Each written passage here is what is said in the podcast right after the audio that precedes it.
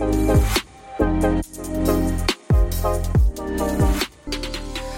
teman-teman, balik lagi di podcast Global Yogurt. Uh, gak terasa ini udah episode kelima. Uh, kita ada tamu lagi, uh, dia uh, namanya Kak Aldin, dia salah satu award juga buat Global Yogurt 2019-2020. Uh, halo Kak Aldin. Hai. Ya, uh, jadi uh, Kak Aldin ini uh, salah satu uh, penerima beasiswa Global Yogurt. Uh, mungkin Kak Aldin bisa jelasin tentang diri Kak Aldin dulu? Silahkan. Uh, hai semuanya, Ya, jadi nama saya Aldin, saya dari Institut Agama Islam Negeri Kendari dan sekarang di, uh, sedang menjalani program Global Undergraduate Exchange Program di University of Central Missouri, tepatnya di negara bagian Missouri, Amerika Serikat. Oh, wow, ya. keren, keren banget kak. Uh, gini kak, jadi kami pengen tahu kak, Aldin ini tahu program Global Yogurt itu dari mana, kapan, atau uh, istilahnya tahu informasinya dari mana? Oke, jadi uh, awalnya saya tidak punya uh, kayak informasi mengenai uh, mengenai beasiswa ini, tapi saya dipanggil, uh, tapi uh, ya aku dipanggil sama dosenku, terus dikasih tahu katanya ada program beasiswa di Amerika Serikat dan katanya coba-coba aja. Terus waktu itu dikasih tahu pas bulan Desember tanggal 1 pas. Jadi saya hanya punya satu bulan untuk persiapan untuk Global Ukraine ini. Ya. Oh wow, sangat itu sangat deadlineer banget kak ya. Iya. uh, jadi gini kak, ngomongin soal uh, pendaftaran Global juga kan di salah satu syaratnya itu harus melampirkan esai dan esainya ada dua ya kan ya. Um, yeah. Untuk esai Kak Aldin jawabnya gimana uh, dari pengalaman Kak Aldin sendiri? Oke, jadi esainya itu ada dua. Esai yang pertama ditanya mengenai uh, kayak personal statement. Kenapa kamu uh, pantas untuk mendapatkan beasiswa ini? Seperti itu pertanyaannya. Uh, jadi saya menjawab, uh, saya, apa yang saya tulis di esai adalah kayak kualitas diri saya yang bisa membuktikan kalau saya kalau saya pantas untuk mendapatkan beasiswa Global Undergraduate Exchange Program ini seperti uh, saya orangnya bertanggung jawab atau responsible, punya jiwa kepemimpinan, uh, bisa mempunyai jiwa kayak mempunyai jiwa yang bisa berbagi ke orang lain, ya seperti itu. Terus nanti di setiap paragrafnya dijelaskan bukti bukti-bukti apa saja yang bisa mendukung hmm. bahwa kamu itu responsible atau kamu itu punya jiwa berbagi seperti itu. Hmm. Terus ya untuk di essay pertama juga karena waktu itu saya juga sedang menjalani program menjalani mata kuliah uh, menulis hmm. karena saya dari uh, karena major saya di Indonesia adalah bahasa Inggris dan saya punya mata kuliah menulis. Hmm. jadi ya sekalian belajar menulis pada saat itu. Oh. kayak structure dan composition seperti itu. Hmm. waktu itu juga masih banyak grammar error tapi ya sekalian belajar. Itu essay pertama. Oh ya terus essay essay yang kedua itu ada uh, ada pilihan. Mungkin pilihan yang pertama adalah mengenai kayak mengenai kepemimpinan kalau nggak salah yeah. terus yang kedua mengenai toleran toleransi saya memilih yang toleransi hmm. ya situ saya masukkan pengalaman pengalaman saya yang bisa mendukung uh, mendukung uh, jawaban dari saya ya seperti itu hmm. Hmm. intinya kalau di esai harus harus punya pengalaman yang bisa mendukung hmm. dan kita tahu bagaimana cara merangkai kata dan paragraf seperti itu sih hmm. oh oke okay, kak ngomong-ngomong soal pengalaman untuk kak Aldin sendiri kak Aldin uh, aktif di luar kampus kah atau gimana mungkin siapa siapa tahu jadi uh, referensi buat kami ya uh, waktu itu saya aktif di UKM Bahasa di kampus saya. Mm-hmm. Terus uh, saya juga ikut mengajar, ikut volunteer di di desa-desa kecil, mm-hmm. mengajar bahasa Inggris. Mm, wow. Terus saya juga ikut kayak organisasi antar agama kayak karena saya dari kampus Islam dan mm. saya pernah mengikuti kegiatan di gereja uh, di, untuk diskusi-diskusi kecil. Jadi hmm. saya rasa mungkin pengalaman tersebut yang mendukung saya untuk bisa lolos di program ini. Hmm. hmm. Oh wow, keren keren banget sih kak. Oh ya kak, lanjut lagi. This uh, again salah satu requirement saat pendaftaran yaitu surat rekomendasi. Kan ada dua itu kak ya. Untuk kasus yeah. Kak Aldin sendiri, gimana Kak Aldin minta ke siapa dan kenapa? Yang pertama saya minta dari Kaprodi, uh, kepala prodi saya. Hmm. Uh, jadi dia sendiri yang membuatkan surat rekomendasi dan isi dari surat rekomendasi itu mengenai uh, pendapat beliau kenapa saya pantas kayak hmm. Karena saya uh, banyak mengikuti kegiatan di luar kampus hmm. dan juga uh, di dalam kelas saya sering on saya selalu on time dan hmm. aktif dan untuk surat rekomendasi yang kedua karena pada saat itu uh, kampus kami kedatangan uh, dosen tamu dari luar negeri dari Amerika Serikat tepatnya hmm. uh, jadi saya memanfaatkan kesempatan untuk meminta beliau untuk membuatkan surat rekomendasi jadi surat rekomendasi tidak harus yang wah uh, dia adalah anak yang sangat hebat, dia adalah murid yang sangat uh, berjuang kepemimpinan. Tapi boleh dari hal-hal kecil. Contohnya uh, dosen saya dari Amerika Serikat hanya menulis bahwa uh, saya anak saya saya mahasiswa yang selalu on time, aktif di dalam kelas dan bisa menerap pelajaran dengan baik seperti itu. Hmm. Jadi tidak harus yang luar biasa sekali. Hmm. Hmm. Oh wow wow, benar banget sih kak. Wah keren sih. Uh, Oke, okay. uh, eh, salah satu persyaratan di pendaftaran ini juga kak, kalau nggak salah perlu TOEFL ya kan minimal 500. Yeah. Nah, mengingat kak Kaldin bilang sendiri kan kak Kaldin tahunya di bulan Desember, which is itu kayak sudah mepet ya, waktunya cuma sebulan.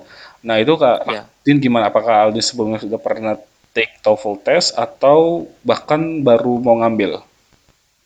Ya, waktu itu saya baru mau ngambil tes TOEFL pas dikasih tahu. Jadi uh, saya ngambilnya TOEFL prediction. Mm-hmm. Jadi bukan yang official. Mm-hmm. Dan waktu itu skor saya 550. Wah. Itu uh, ya. kasusnya untuk kakak sendiri gimana? Sekali ngambil aja sudah langsung 550 atau sebenarnya sudah ngambil apa retake berapa kali tes gitu? Sekali doang. Oh, Oke, okay. wah ya. keren keren sih. Nah, um, kan kak, kak Aldin sendiri sudah jadi menjadi finalis dan kak Aldin Aldin juga sekarang sedang berada di Amerika uh, untuk belajar. Ya. Nah, uh, kami sebagai pendengar podcast Global TV pengen tahu uh, persiapan kak Aldin untuk sekolah ke luar negeri dan dan saat di sana pengalamannya seperti apa? kalau dari persiapan saya uh, banyak membaca sih banyak membaca dan melihat video-video di YouTube mengenai uh, mahasiswa internasional khususnya dari Indonesia yang belajar di Amerika Serikat. Jadi uh, pas tiba di sini saya tidak banyak kaget atau tidak banyak culture shock karena uh, saya sudah membekali diri saya dengan pengetahuan mengenai negara ini. Terus uh, dari Aminef sendiri mereka menyiapkan uh, kayak mempersiapkan uh, penerima beasiswa ini kayak dipersiapkan dengan matang melalui uh, program orientasi ya PDO pre-departure orientation. Jadi di pre-departure orientation itu uh, uh, kami menerima materi dari staff-staff Aminef dan juga uh, alumni dari Global Undergraduate Exchange Program ini. Ya, jadi pada saat itu kan dijelaskan bagaimana nanti kalau pertama kali datang, terus apa-apa saja yang harus dipersiapkan, bagaimana nanti uh, cara untuk melalui proses imigrasi. Hmm. Jadi semuanya nanti akan dijelaskan. Tinggal kita sendiri yang harus memberanikan diri untuk berangkat karena tahulah itu perjalanan yang sangat panjang dan harus banyak bertanya. Hmm. Oh, iya. Seperti itu sih kak. Benar, benar, benar sih. Um, ada persiapan yang lain kak? Mungkin kayak baju, mungkin uh, apakah kakak berada di negara bagian atau di kota yang bisa dibilang dingin atau seperti apa?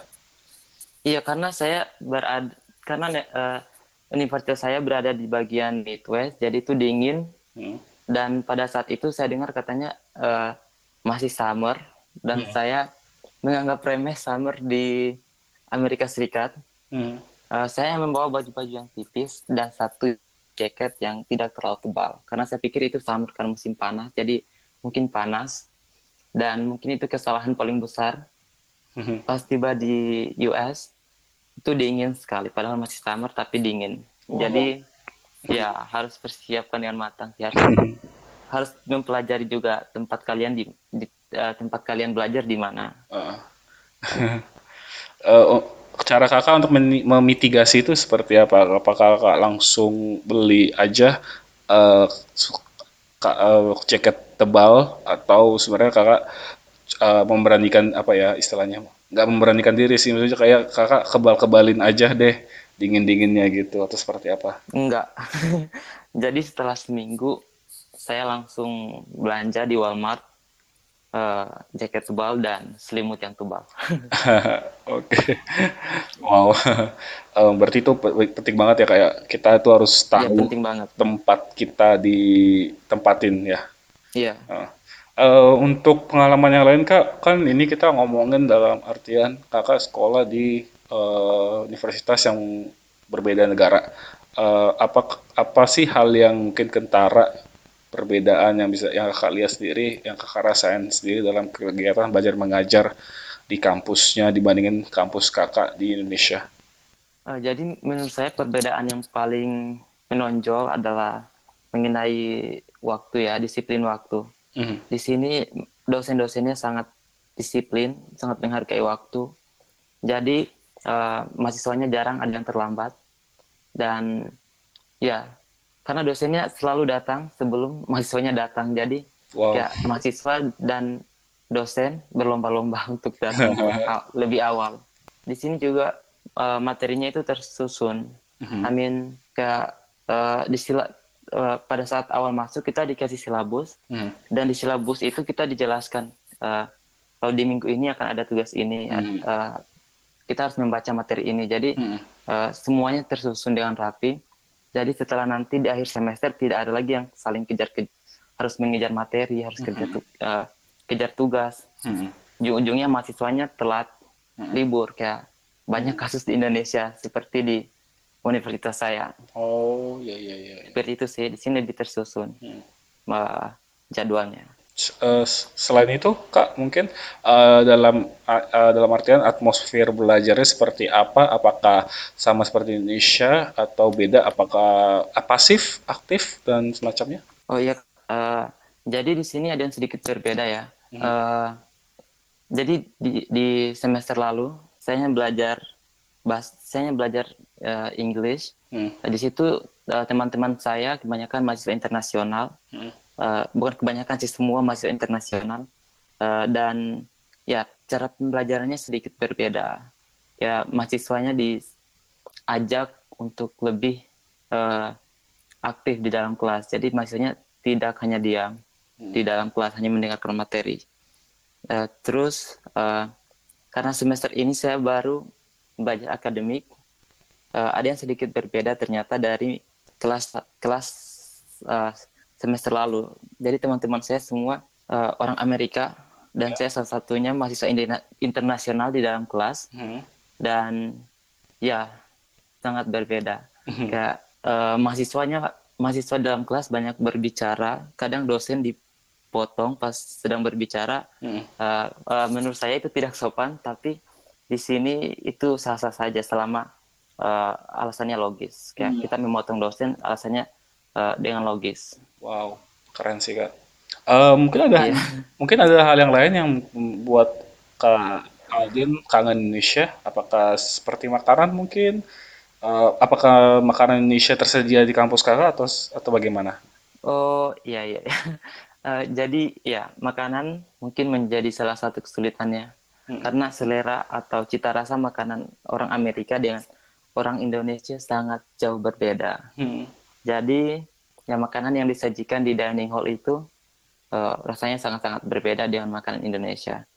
Tapi ya cara saya untuk mengatasi masalah tersebut, saya belanja bahan-bahan makanan dan memasak masakan Indonesia sendiri, belajar tutorial di YouTube. Oh wow. Jadi buat teman-teman yang ingin mendaftar tapi takut masalah ini, masalah makanan, masalah yeah.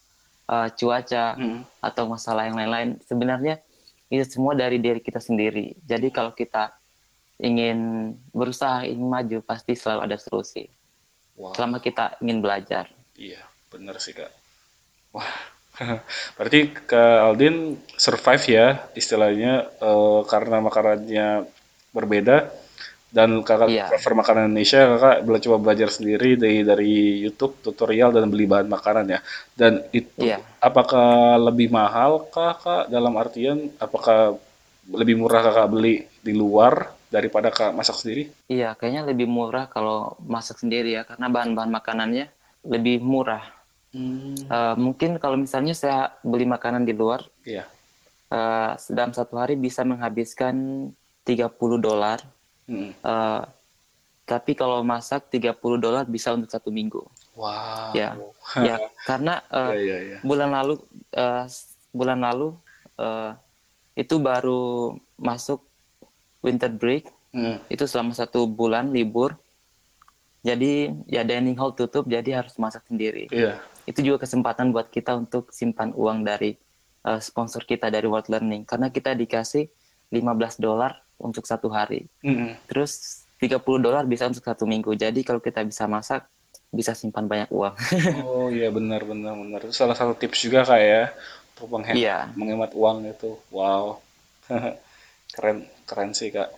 Um, iya tapi sayang sih kak. Aduh waktunya sudah lumayan lama kurang lebih 30 menit kita, uh, diskusi ini. Uh, tapi ya, uh, apakah Kak Aldin punya tips terakhir atau pesan terakhir buat teman-teman yang mau mendaftar Global Grad? Ya, uh, mungkin pesan saya buat teman-teman yang ingin daftar dan takut karena masalah makanan, takut masalah cuaca, takut tidak bisa beradaptasi, uh, mungkin bisa mencoba saja dulu. Karena uh, saya juga awalnya tidak ada perasaan untuk lolos, tidak ada keinginan untuk lolos.